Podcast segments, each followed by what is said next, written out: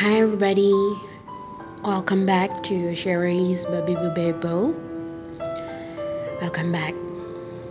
And again, I believe that some of you may not really know about me, some of you may have. And today I would like to share about me a little bit, especially about my faith in Christ. So,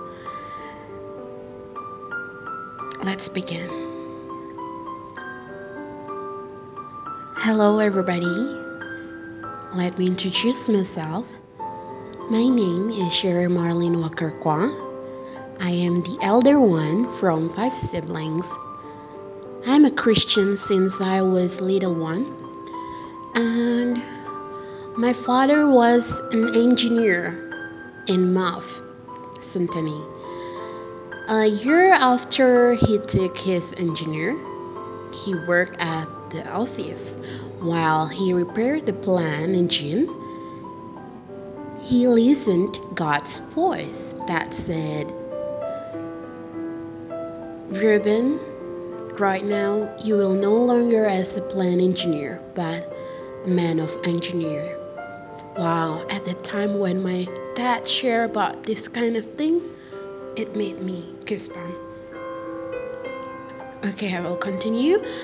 Um, again, he went home with confusedness, but deep inside his heart, he knew that his heart was full of peace.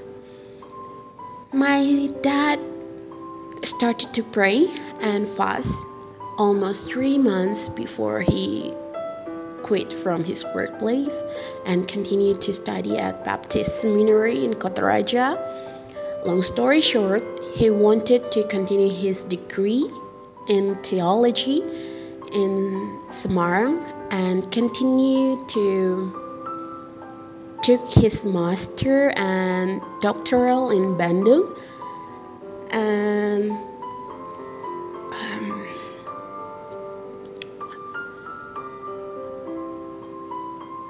maybe around a year after he took his doctoral, he passed away, and I learned many things from him, especially about faith. Faith is something that I cannot see and touch it before. But when I surrender it all those things to Christ, maybe the temptation are not always disappear. But God's presence is always there with me. And the funny things is my dad may not give me and my sibling a wonderful legacy such as big houses, fantastic cars or motorcycles, and a month of money at the bank like fathers supposed to do. But he gave us a good legacy which I cannot get it everywhere. It was about faith in Christ. So I thank God for his legacy. So I really appreciate it. I am really blessed indeed because because I got I got very gentle and really humble and full of faith Father on earth.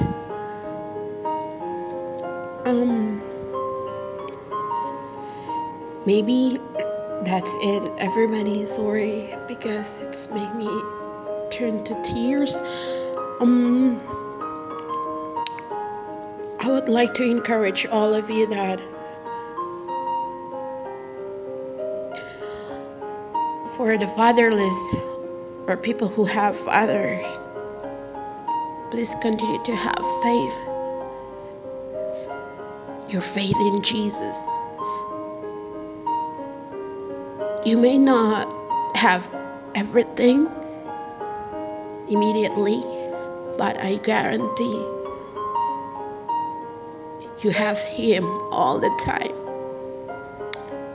You have Jesus all the time. You can just directly come to Him, just hanging there. Be still. Have faith. Have a little faith in Christ.